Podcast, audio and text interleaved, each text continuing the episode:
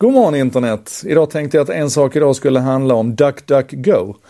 Världens konstigaste namn. Och har du aldrig hört talas om det så är det ingen fara. Jag ska berätta vad det handlar om. Men du har förmodligen hört talas om filterbubblan. Ni vet den här otroligt omskrivna effekten som bland annat handlar om att min Google-sökning inte ser ut som din Google-sökning. Vi ska se hur vi kan lösa det. För min poäng med filterbubblan är egentligen två saker. Det ena är att jag tycker att den är överdriven, att vi faktiskt på många sätt har en mindre filterbubbla idag än vad vi hade tidigare när vi hade en tidning, en tv-kanal, en korvkiosk att samlas runt. Eh, idag har vi ju faktiskt hela internet i våra händer och the world is our oyster och allt det där. Det är det ena. Den andra frustrationen med filterbubblan är att det pratas väldigt mycket om hur farlig den potentiellt är, men nästan ingenting om vad vi kan göra åt den. Och en tydlig sak vi kan göra för att expandera vår värld och, och, och, faktiskt få samma sökresultat allihopa, det är att vi använder en tjänst som heter DuckDuckGo. Det är en applikation som du kan tanka hem i din mobiltelefon eller så är det en webbtjänst som du går till, precis som att du skriver Google i ditt sökfönster eller, att du, eller i din adressrad eller att du, att du klickar på en Google-symbol någonstans. Så kan du alltså skriva duckduckgo.com i din webbläsare istället. Och då kommer du till den här, den här webbläsaren som är väldigt, väldigt mån om ditt privatliv och din privacy.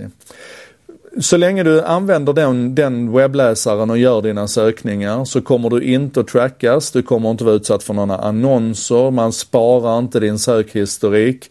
Och man gör ingen anpassning av sökresultatet utan alla ser i princip samma sökresultat där. Man kan styra lite grann om man vill ha en, en strikt sökning eller om man vill tillåta eh, pornografiskt material att dyka upp och sådär. Man kan styra om man vill begränsa sin sökning utifrån geografisk position och sådär. Så att man kan liksom, man kan massera sin sökning lite grann. Men grunden är alltså att den tar ingen som helst hänsyn till vad, vad du har sökt på tidigare eller andra preferenser som du har visat. Och den visar inga annonser och sådär heller utan den är donationsfinansierad finansierad.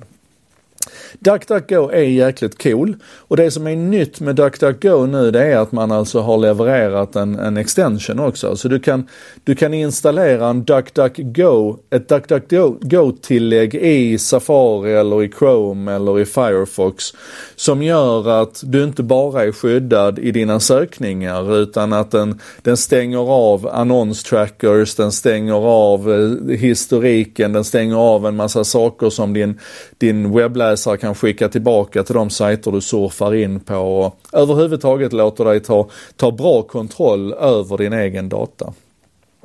Det finns andra webbläsare som, som lovar samma sak. Det finns, det finns hela system som, som låter dig vara eh, skyddad och inkapslad och, och ta hand om dina personliga data. Det finns inställningar i de flesta webbläsare idag som låter dig hantera det här. Men jag vill ändå lyfta fram DuckDuckGo för att jag tycker att de har tagit ett, ett helhetsgrepp på det här samtidigt som de sänker tröskeln och gör det väldigt enkelt att använda.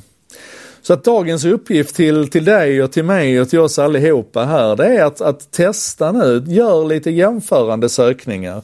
Sätt dig och, och gå till Google och gör en sökning på någonting spännande och intressant där, kanske ditt eget namn rent utav. Och sen så går du till duckduckgo.com och så gör du samma sökning där och så jämför du de här, få, de här två resultaten du får tillbaka. Och så startar du hjärnan och funderar på vad betyder de här skillnaderna. Det är väl en bra uppgift. Um, ska passa på att tacka vännerna på Bredband2 som är med och stöttar En sak idag och hjälper oss att göra detta och nå ut till fler. Så tack så hemskt mycket för det. Jag vill också tacka jättemycket till alla er som, som följer eh, podden. Eh, man kan ju om ni går till iTunes eller Acast eller var ni nu än hör hemma någonstans och söker på En sak idag så kommer ni hitta att ni kan prenumerera på En sak idag som, som podd också finns överallt. Glöm nu inte att kommentera, diskutera, vara med här så att vi lär oss tillsammans. Kanske dela med dig av dina erfarenheter ifrån, från DuckDuckGo.